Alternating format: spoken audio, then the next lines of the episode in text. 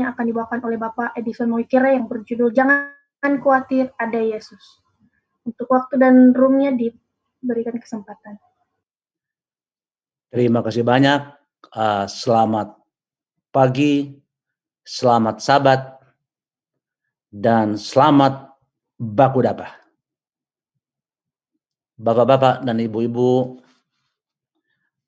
para sahabat dalam perjuangan iman Jemaat Tumoto Imperium Jakarta. Saya berterima kasih kepada jemaat yang mengundang saya untuk membagi-bagikan firman-Nya pada pagi hari Sabat yang Maha Suci ini. Judul yang saya ambil adalah Jangan Takut. Kehidupan di tengah COVID-19, hindari kekhawatiran, dan terus optimis karena kita semua memiliki Tuhan Yesus. Sebelum saya mulai, mari kita berdoa. Bapa kami yang ada di dalam kerajaan surga, kiranya Tuhan hadir bersama-sama dengan kami di dalam perbaktian ini, memberkati perbaktian ini. Tuhan kiranya berbicara kepada jemaat, berbicaralah melalui hambamu, akan firmanmu yang kudus, untuk kami tidak takut karena ada Yesus di dalam Matius 6 ayat 25 sampai 33. Firmanmu ini menjadi bagian kami, menjadi kekuatan kami. Dengan nama Tuhan Yesus, Juru Selamat kami. Amin. Bapak-bapak dan ibu-ibu, kita sudah menjalani berhubungan konfront COVID-19 sudah kira-kira 12 bulan. Kita sudah di kita sudah dihantam dari segala macam penjuru. Tapi puji Tuhan, kita bergantung kepada Yesus. Anda dan saya terus siap berjuang di dalam kehidupan iman, di dalam kehidupan kita. Kita tidak takut, kita telah menghadapinya, dan puji syukur kita terus dikuatkan oleh Yesus Kristus yang adalah Tuhan, penyelamat dan juga penopang kehidupan kami, kehidupan kita. Filipi 4 ayat 6 sampai 7, janganlah hendaknya kamu khawatir tentang apa pun juga, tetapi nyatakanlah dalam segala hal keinginanmu kepada Allah dalam doa dan permohonan dengan ucapan syukur. Damai sejahtera Allah yang melampaui segala akal akan memelihara hati dan pemikiran pikiranmu dalam Kristus Yesus. Inilah modal kita, our spiritual capital. Bahwa dengan Yesus, apa pun kehidupan yang kita lewati, kita akan selamanya oke, okay, kita akan disiapkan oleh Yesus untuk bisa menghadapinya. Asalkan kita stick. Jangan pernah mundur mengikuti Yesus Kristus. Damai sejahtera Allah akan menjadi bagian kita bersama. If only you stick with Jesus. There's no other way. Nggak ada, nggak ada kata kunci yang lain selain kita mengatakan, Yes Tuhan, I'm here to follow you all along in my life. Apa pun keadaan dunia ini, saya akan tetap kuat karena saya bermodalkan iman kepada Yesus Kristus. 2 Timotius 1 ayat 7 Sebab Allah memberikan kepada kita, Anda dan saya, bukan roh ketakutan. You should not be worried. Jangan takut, jangan khawatir melainkan yang Tuhan berikan kepada kita, melainkan roh yang membangkitkan kekuatan, your strength di dalam iman, di dalam fisik, dan kasih serta ketertiban, self control kalau bahasa Inggris mengatakan.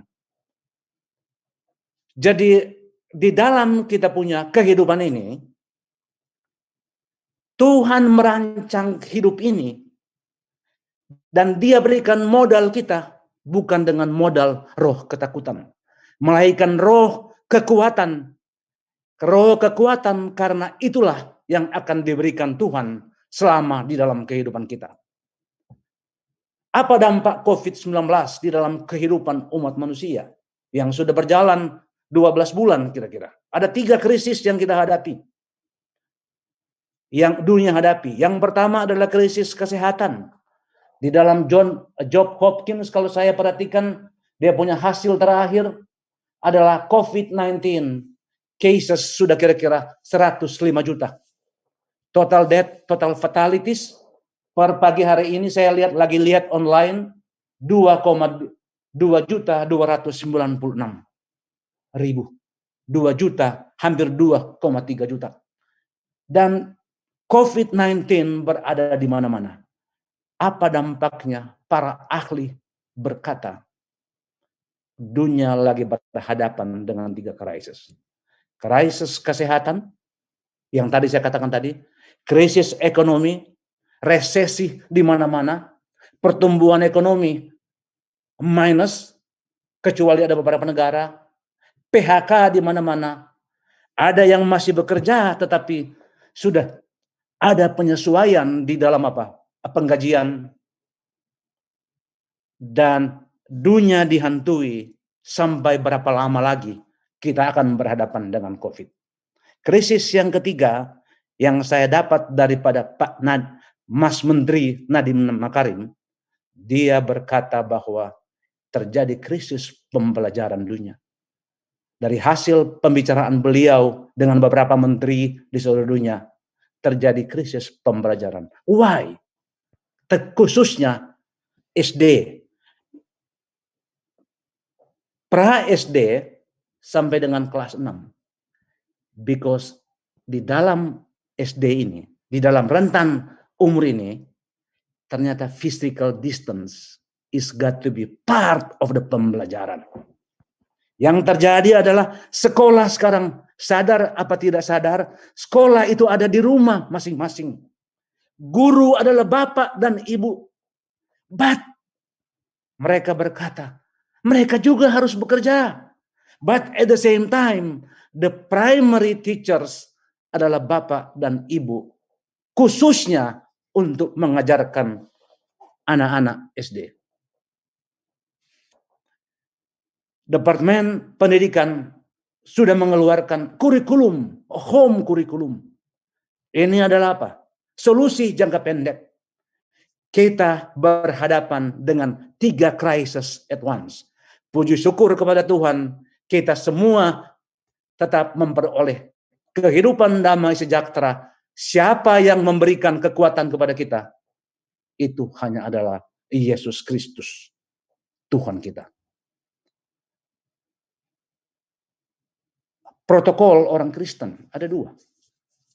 Pemerintah menganjurkan protokol kesehatan, tapi saya akan mulai dengan saya akan ber, saya berkata sebagai seorang pengikut Kristus ada dua protokol. Protokol kerohanian, percaya dan total penyerahan kepada Tuhan. Kedua adalah doa.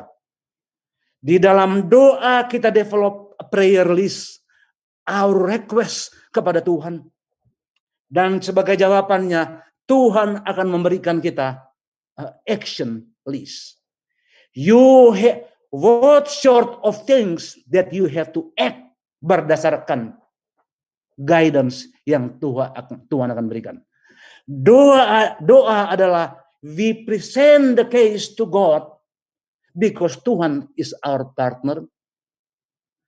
And jawaban Tuhan akan diberikan di dalam action list what are the things yang kita harus perbuat. Itu adalah protokol kerohanian. Protokol kesehatan kita sudah tahu. Maskeran, jaga jarak. Ada yang bilang satu satu setengah meter, ada yang bilang dua meter, ada yang bilang kalau kita sekarang di Port Australia empat meter. Kenapa? Karena ada strain baru dari UK dan South Africa. Semua ini memaparkan kepada kita bahwa let us all be prepared untuk konfront COVID-19 yang nampaknya masih akan bersama-sama bapak-bapak dan ibu-ibu. Tapi puji syukur ini adalah sudah ter, sudah ada beberapa yang lagi yang sudah di uh, di apa um, approve. Yang pertama Pfizer yang kedua Sinovac. Indonesia sudah sudah mulai. Ada juga Oxford Seneca. Oxford Seneca di dalam pemberitaan terakhir ternyata dia efektif 90% to confront UK strain AstraZeneca dan juga ada Sputnik ya. dan yang terakhir adalah Johnson and Johnson. Ini adalah kabar baik. Mereka sudah submitted untuk approval di FDA. Dia ini hanya one shot, satu shot, dan harganya relatif terjangkau. Mohon maaf, yang di sini ini semestinya adalah Moderna. Jadi kit yang yang yang lagi ada sekarang ini sudah ada Pfizer, sudah ada Sinovac, sudah ada AstraZeneca, sudah ada Moderna dan sudah ada Sputnik dari Rusia. Soon akan ada Johnson and Johnson. Bukankah ini semua adalah part of the berkat-berkat ilahi? Sungguh Tuhan sangat sayang kepada dunia ini. Sungguh Tuhan sangat sayang kepada Anda dan saya. Di tengah-tengah perjuangan kita, perjuangan kehidupan, perjuangan hidup, perjuangan iman di dalam kehidupan. Tuhan mendengar doa Anda dan saya. Availabilities of vaksin diperkirakan by June sudah akan semakin meluas. Tetaplah kita berpegang hanya kepada Kristus.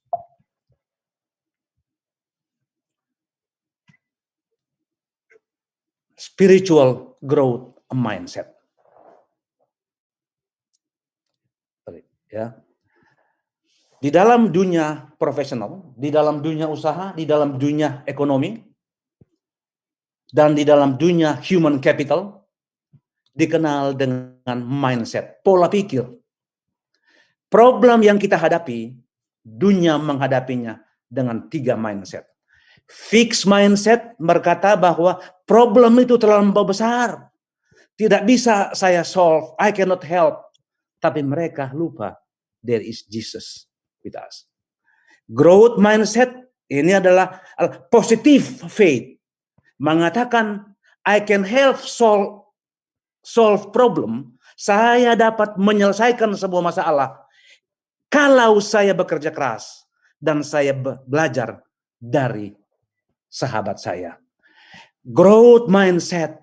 Da, segala masalah kita akan dapat atasi selama kita bergantung kepada Yesus. Baru yang berikut adalah innovation. Karena problem semakin banyak, you have to innovate. Kita harus melakukan inovasi. Innovation mindset. Saya dapat mendesain satu solusi apa saja kepada problem yang diakibatkan oleh COVID-19. Tapi bapak-bapak dan ibu-ibu, ada satu harapan kita, yaitu adalah spiritual growth mindset. Pola pikir spiritual, sikap spiritual apa yang akan merupakan strategi Anda dan saya? Terjawab di dalam Filipi 4 ayat 23. Segala perkara, semua problem, apa saja dapat kutanggung, dapat Anda dan saya tanggung di dalam Dia yang memberi kekuatan. Amin. Kita semua. Amin, saudara. Bagi Yesus, semua memang banyak problem, banyak problem. Tuhan tidak pernah menjanjikan bahwa jalan kehidupan kita ini akan apa? Tenang. There's going to be wave up and down. But remember, if I'm with you, kalau saya bersama Anda, orang semua akan oke. Okay. Sebab bagi Allah tidak ada yang mustahil, my friend. Tidak ada. There's nothing impossible asal kita stick terus dengan Yesus Kristus. Jangan takut, COVID-19 boleh ada. Bersyukur what you have done. Look apa yang sudah terjadi di masa lalu. Bukankah Tuhan sangat menyayangi kita? Dia sudah meluputkan kita dari segala mara bahaya. Look kehidupan kita hari ini. Oleh karena Tuhan, Anda dan saya bisa berkumpul dan memuji, membesarkan namanya untuk memer, memperoleh ilham dari surga. Ilham dari surga yang akan menyiapkan kita to confront the reality di dalam kehidupan kita. 1 Petrus 1 ayat 13. Sebab itu siapkanlah akal budimu. Dalam bahasa Inggris, prepare your mind for action, my friend. Caleb dan Joshua, kenapa mereka sampai ke promised land? Mereka mengikuti Tuhan wholeheartedly, sepenuhnya. Tetapi bukan hanya itu, they have the brave, mereka berani to act on their faith to act on their faith, mereka memasuki tanah Kanaan. Anda dan saya, yes, Anda mengatakan, saya percaya Kristus, but are you ready to take action in life? Itu adalah tantangan. Kalau kita sudah dikuatkan oleh iman Kristus, kita harus juga berkata, saya secara brave berani mengambil langkah dalam kehidupan kita. Sebab saya tidak akan pernah takut.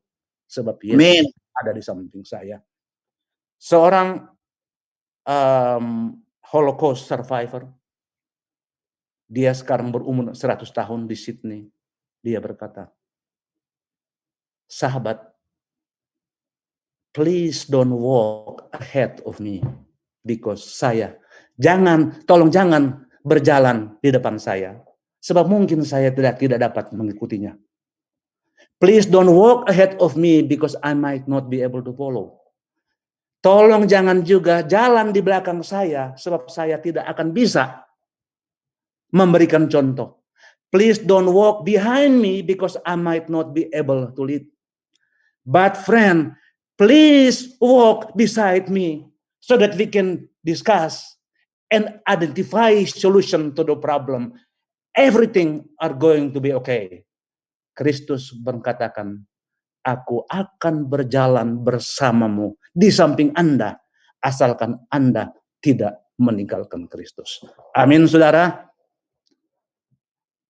Yesaya 41 ayat 10, Janganlah takut sebab aku menyertai engkau. Janganlah bimbang sebab aku ini alamu. Aku akan meneguhkan bahkan akan menolong engkau. Aku akan memegang engkau dengan tangan kananku yang membawa kemenangan tangan kanan Tuhan adalah tangan-tangan Tuhan yang penuh kuasa. Kalau kita berpegang kepada Tuhan, Tuhan akan memegang kita dengan tangan kanannya. Yang akan menyegarkan jiwa kita dan akan membawa kita ke dalam kemenangan di dalam perjuangan iman di dalam kehidupan ini. Saya punya main course adalah jangan khawatir. Jangan takut. Matius 6 ayat 25. 34. Para ahli psikologi, scholar-scholar psikologi berkata, worry, khawatir. Kenapa kita jangan pernah khawatir? Because worry, khawatir, focus only on the problem. Instead, mari kita concern, memperhatikan. Yes, there are going to be challenges. Kenapa kita harus ganti concern? Kenapa kita harus ganti worry atau khawatir dengan concern memperhatikan? Sebab concern fokus on the solution to the problem. Dengan kekuatan ilahi yang kita miliki, Tuhan akan memberdayakan kita. Yes, ada banyak tantangan dalam kehidupan kita, tapi Tuhan akan memberikan kita ilham dari surga untuk bisa mengidentifikasi possible solution in our life today. So my friend, buang itu kata worry, ganti dengan kata concern. Saya mau quote Pastor Dr. David Jeremiah. Dia adalah seorang pendeta yang cukup terkenal di Amerika dari gereja baptis. Khawatir bagi beliau terbagi kepada lima komponen. Yang pertama, khawatir is inconsistent. Matius 6 ayat 25. Khawatir tidak rasional, irrasional. Khawatir tidak efektif, inefektif. Khawatir tidak logis, sangat tidak logis, illogical.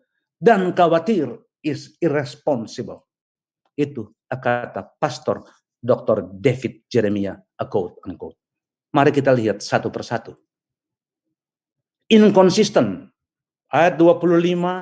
Karena itu aku berkata kepadamu, janganlah khawatir akan hidupmu, akan apa yang hendak kamu makan atau minum, dan janganlah khawatir pula akan tubuhmu, akan apa yang hendak kamu pakai. Bukankah hidup itu lebih penting daripada makanan dan tubuh itu lebih penting? Oh my friend, ini amaran Yesus Kristus. Kenapa kita tidak pernah perlu pikirkan akan hal-hal, akan, akan kebutuhan badani itu? Bukankah Anda dan saya adalah His masterpiece? Adalah ciptaan Tuhan yang maha mulia. Kalau Tuhan sudah ciptakan Anda, His masterpiece, kebutuhan kita akan dia penuhi. Oleh karena itu, khawatir sangat tidak konsisten. Tidak konsisten dengan konsep penciptaan. Tuhan sudah ciptakan Anda dan saya sesuai dengan peta dan teladannya, his masterpiece, the best of his creatures ever. Mana mungkin dia akan kasih itu makanan dan minum dan pakaian. It's all will be part. Itu adalah apa? A two in one, my friend. Jadi buangkan itu. Kekhawatiran hanya datang dari Lucifer. Kekhawatiran adalah is a reflection of unfaithfulness in following Jesus. Orang bilang bahwa orang percaya Yesus, but in reality Anda masih takut.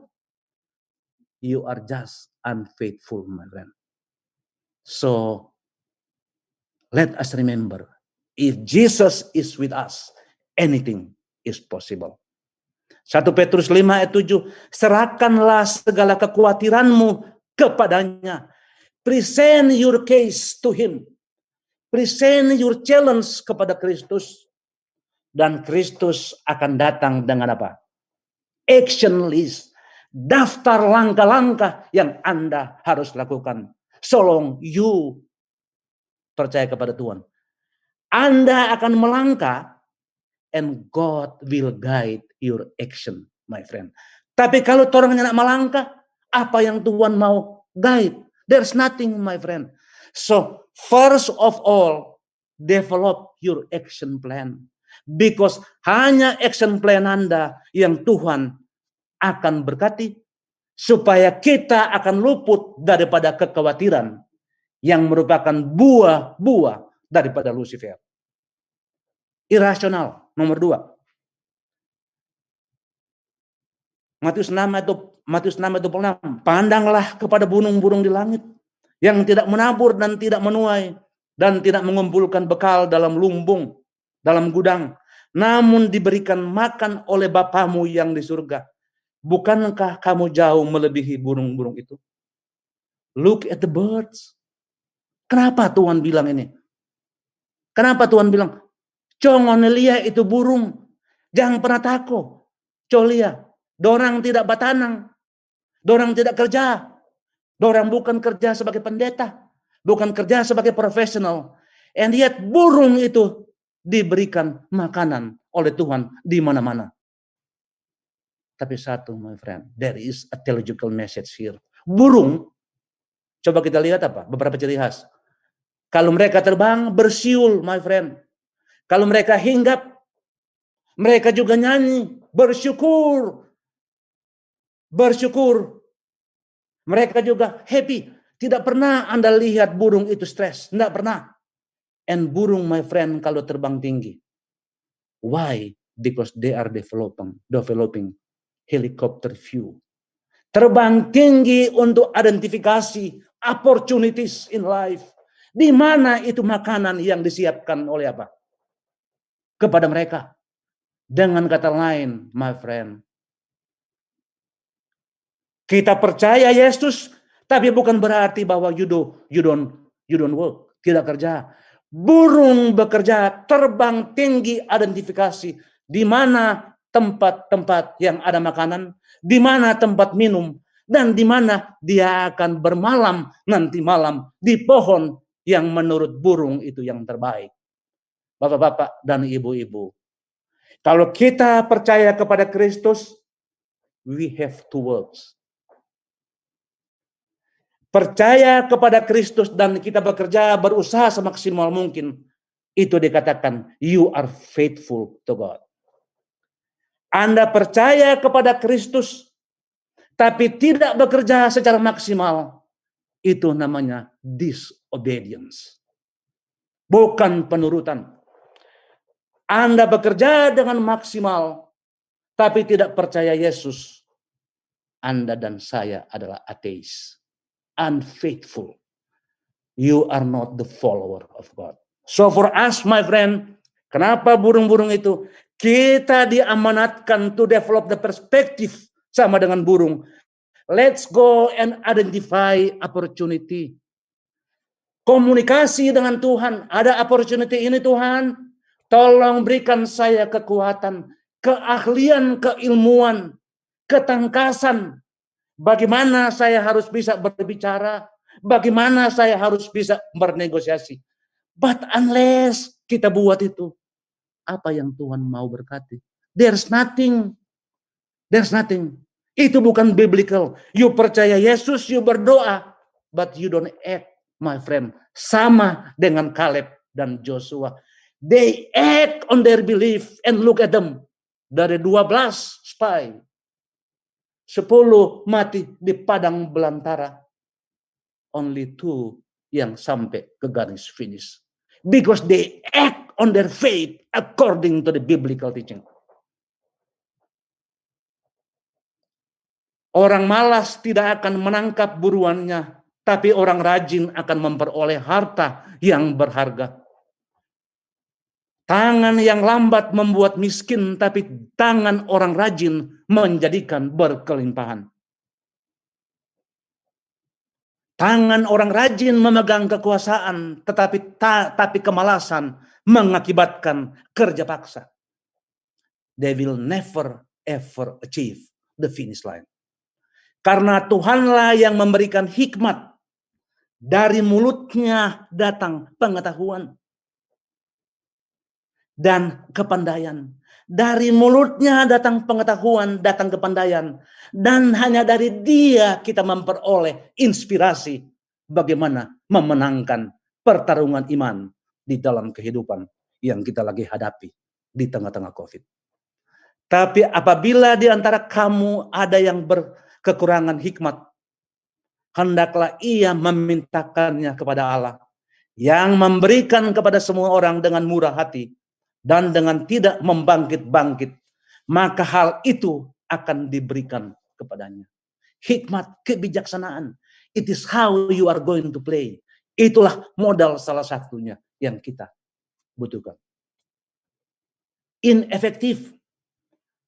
Siapakah di antara kamu yang karena kekhawatirannya dapat menambahkan sehasta saja pada jalan hidupnya?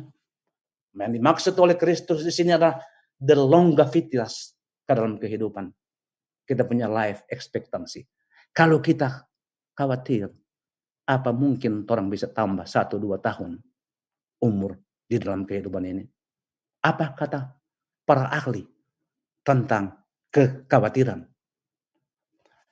Charles Horace Mayo adalah salah satu founders daripada Mayo Clinic yang sangat terkenal itu. Banyak teman-teman saya yang sudah melakukan uh, uh, uh, perawatan di sana, termasuk check up.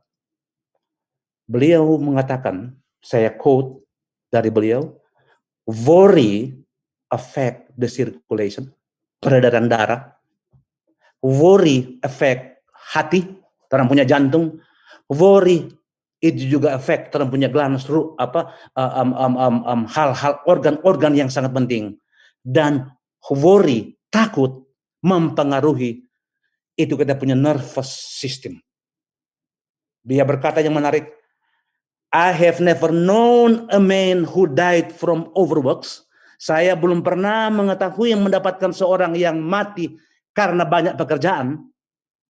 But many who died from doubt. Banyak orang meninggal karena worry. Stressful. Tinggalkan worry. Datang kepada Kristus Tinggalkan worry. Karena worry adalah buah-buah roh daripada si gelap itu, si Lucifer. If you stick with Jesus, orang akan punya apa? Mentalitas, a concern. Yes, kita acknowledge ada banyak tantangan. But with Jesus, there's, dia akan berikan kepada kita action list how to cope dengan tantangan-tantangan itu. Maria dan Marta, Lukas 10 ayat 38 sampai 42.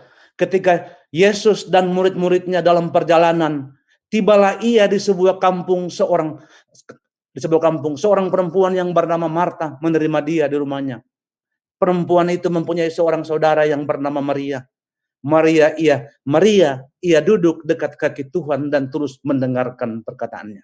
Ayat 40. Sedang Marta sibuk sekali melayani. Ia mendekati Yesus dan berkata, "Tuhan, tidakkah engkau peduli bahwa saudaraku membiarkan aku melayani seorang diri?" Dia lagi menyiapkan makanan dan minuman. Baru katanya, suruhlah dia membantu aku. Tapi jawab Tuhan, tetapi Tuhan menjawabnya, Marta, Marta, engkau khawatir dan menyusahkan diri dengan banyak perkara.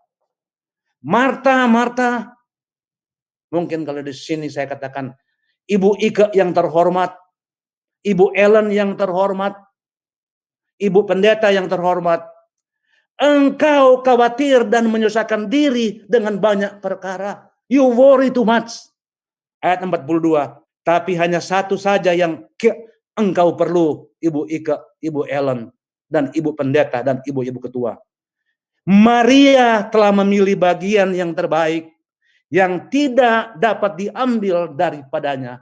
Datang kepada Kristus sumber air kehidupan, sumber kekuatan untuk memberdayakan Anda dan saya berhasil mengatasi tantangan yang banyak di dalam kehidupan ini.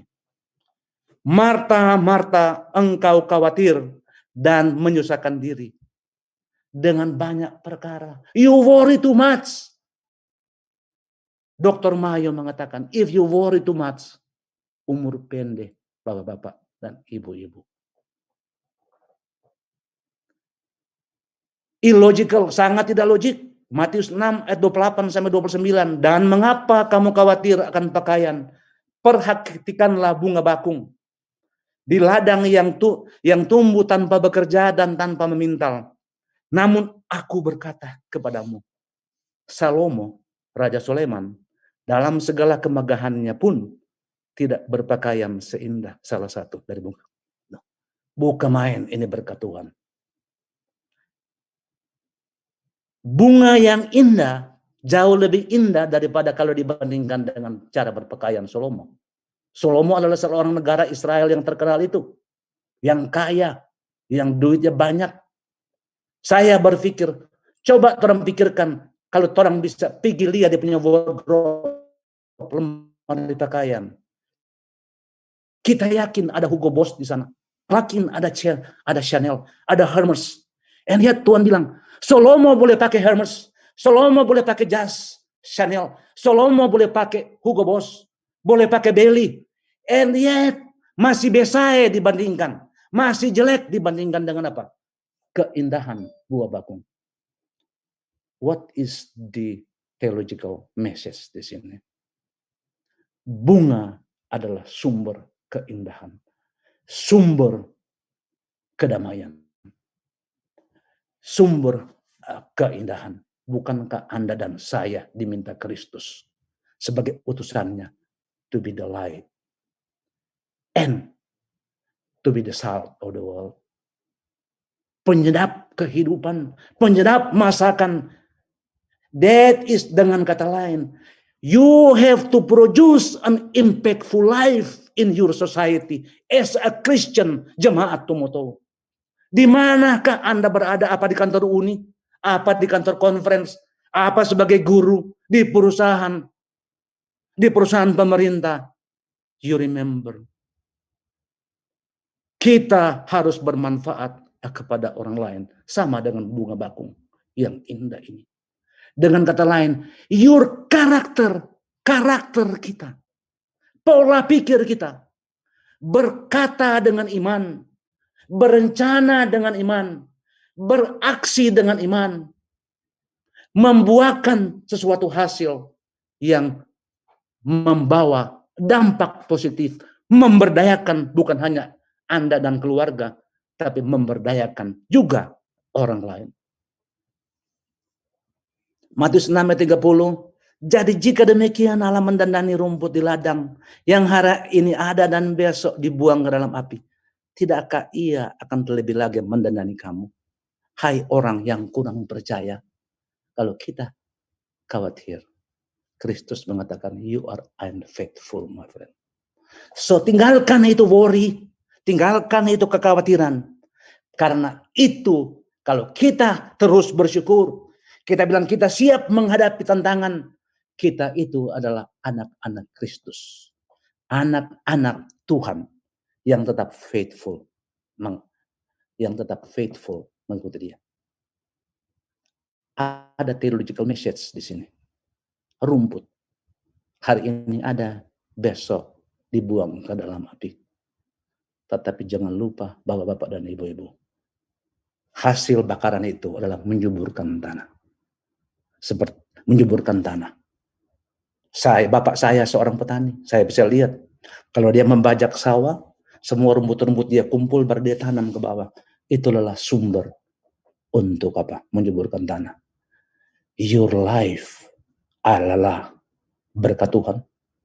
Your life adalah harus bisa produce the output yang bukan hanya memberdayakan Anda menjadi berkat bagi Anda dan saya, tapi menjadi berkat bagi orang lain dan menjadi berkat kepada gereja Tumoto. Gereja Tumoto membutuhkan bantuan keuangan dari waktu ke waktu. Only when you are successful in your career. Tuhan akan berkati. Anda akan set aside sebagian untuk membantu dana operasional gereja untuk pelayanan perlawatan penginjilan dan membantu orang yang membutuhkan bantuan. Ia yang tidak menyayangkan anaknya sendiri, tapi yang menyerahkannya bagi kita semua. Bagaimana mungkin ia tidak mengaruniakan segala sesuatu kepada kita bersama-sama dengan dia. Sedangkan Tuhan Yesus Tuhan berikan untuk menyelamatkan kita. Apalagi itu makanan, minuman, pakaian, dan kebutuhan kita. Kebutuhan, bukan keinginan. Kebutuhan kita. God will provide. Irresponsible. Matius 6 ayat 31 sampai 32. Sebab itu janganlah kamu khawatir dan berkata, apakah yang akan kami minum, apakah yang akan kami pakai. Semua itu dicari bangsa-bangsa yang tidak mengenal Allah. Yang orang-orang yang tidak percaya. Akan tetapi Bapamu yang di surga tahu bahwa kamu memerlukan semuanya. Sedangkan orang yang bukan pengikut Kristus, Tuhan berkata, apalagi jemaat Tomoto yang percaya bahwa Jesus is your Lord, Jesus is your Savior, dan adalah pelindung penumpang kita.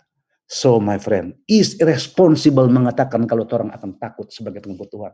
Because sedangkan itu hidup dan fisikal ini Tuhan kasih, Apalagi itu makanan, minuman, dan pakaian. It's total package, my friend. Total solution. Asal satu. Jangan pernah tinggalkan Tuhan di dalam kehidupan kita. Setiap pemberian yang baik dan dan setiap anugerah yang sempurna datanglah hanya dari Tuhan. Strategi mengatasi rasa khawatir. This is my closing. Tinggal ada beberapa slide. Takut tidak akan pernah merubah sesuatu. Worrying doesn't worrying doesn't change anything. Tetapi percaya kepada Tuhan merubah semuanya. Tuhan akan turn the challenge into blessing. A blessing berkat-berkat Tuhan yang sustainable. Berkat-berkat Tuhan yang indah damai sejahtera di dunia sampai menuju ke kerajaan surga. So it's a total package. Kita tinggalkan itu worry. Kita trusting in God. Tuhan akan meng, apa, memberikan kita solusi di dalam kehidupan ini. Strategi kehidupan, hindari kekhawatiran. Nomor satu, Matius 6 ayat 33. Tetapi carilah dahulu kerajaan Allah dan kebenarannya. Maka semuanya itu akan ditambahkan kepadamu. Nomor satu, a total commitment mengikuti Tuhan Yesus. Carilah dahulu kerajaan Allah. Pastikan bahwa today kalau Tuhan datang, you are already with him. Kita sudah qualified menjadi warga negara kerajaan surga. Kita terima Kristus sebagai juru selamat dan kita akan memperoleh kebenarannya. Apa itu kebenaran? Kebenaran adalah firman-Nya. Firman yang yang akan merubah our character supaya kebenarannya atau karakter kita menjadi serupa dengan Kristus. Matius 3 ayat 8. Jadi hasilkanlah buah yang sesuai dengan pertobatan. Buah apa? Buah karakter. Karakter apa?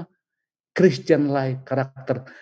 Kalau kita sudah menerima kerajaan surga dan memperoleh kebenarannya, maka itu yang lain pakaian, minuman, makanan. Oh my friend, itu small things bagi Tuhan. Itu apa? Maka semuanya itu akan ditambahkan kepadamu. Is all going to be yours, my friend. That's the message. Nomor dua. Matius 6 ayat 34. Sebab itu janganlah kamu khawatir akan hari besok. Karena hari besok mempunyai kesusahannya sendiri. Kesusahan sehari cukuplah untuk sehari. Yes, Tuhan akan provide kita hari ini. Tuhan akan membantu kita selama kita tidak worry untuk hari ini. Bagaimana itu yang besok dan hari-hari mendatang. Rencanakan masa depan dengan Yesus as your partner in life. Present your case. Ask His guidance. In prayer, you present the case. Tuhan akan menjawabnya dengan action list. Things to be done in your life of tomorrow and days to come. Don't worry about anything. Instead, pray about everything. Itulah message dari Filipi 4:6. Jangan pernah takut akan apa pun juga. Dan sebagai penggantinya, pray about everything. Berdoa dengan sungguh-sungguh. Present your case. Present your pantangan, your challenge. Tuhan akan memberikan kita action list.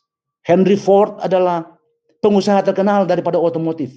Ford adalah perusahaan otomotif salah satu yang pertama. Saya juga kaget lihat dia punya quotation ini. Ternyata dia adalah he believe in God. Those who walk with God, mereka yang berjalan dengan Tuhan always reach their destination. Mereka yang berjalan dengan Tuhan akan mencapai tujuan hidup di dunia ini menjadi berkat bagi orang lain, berdampak bagi orang lain, dan terlebih mencapai the garis finish to live in heaven with our Jesus Christ. Wahyu 22 ayat 14, berbahagialah mereka yang membasuh jubahnya. Mereka akan memperoleh hak atas pohon-pohon kehidupan dan masuk melalui pintu pintu gerbang di dalam kota itu. Membasuh jubahnya. You follow his commitments, uh, commandments you follow apa kata the words of God. Firman Tuhan sebagai apa? Pelita bagi jalanku, penopang bagi kakiku. Itulah kunci di dalam kita. Kita, our eternal goal in life adalah kita harus ke surga seperti kata Bapak Ketua Uni. Bapak Sugi Sitorus. Kita harus ke surga. Modal ke surga cuma satu. Membasuh jubahnya kita hidup setia menjalankan firman-Nya di dalam kehidupan selama masa penantian ini. Selama masa penantian His second coming. Ayat saya penutup. Akulah jalan dan kebenaran dan hidup. Tidak seorang pun yang datang kepada Bapa kalau tidak melalui aku. Bapak-bapak dan ibu-ibu, pertanyaan Anda dan saya adalah, have I received Jesus apa saya sudah terima Kristus sebagai Tuhan Juru Selamat dan penopang kehidupan kita? Our life banyak menghadapi tantangan. Only through Jesus kita akan bahagia, damai, sejahtera di dunia menuju our eternal destination. Kita harus ke surga. Akulah jalan dan kebenaran dan hidup. Tidak ada seorang pun yang datang kepada Bapa kalau tidak melalui Yesus. Ini adalah doa saya pada siang hari ini untuk jemaat Umotau. Semoga bermanfaat. Saya sampaikan ini dalam nama Yesus. Amin.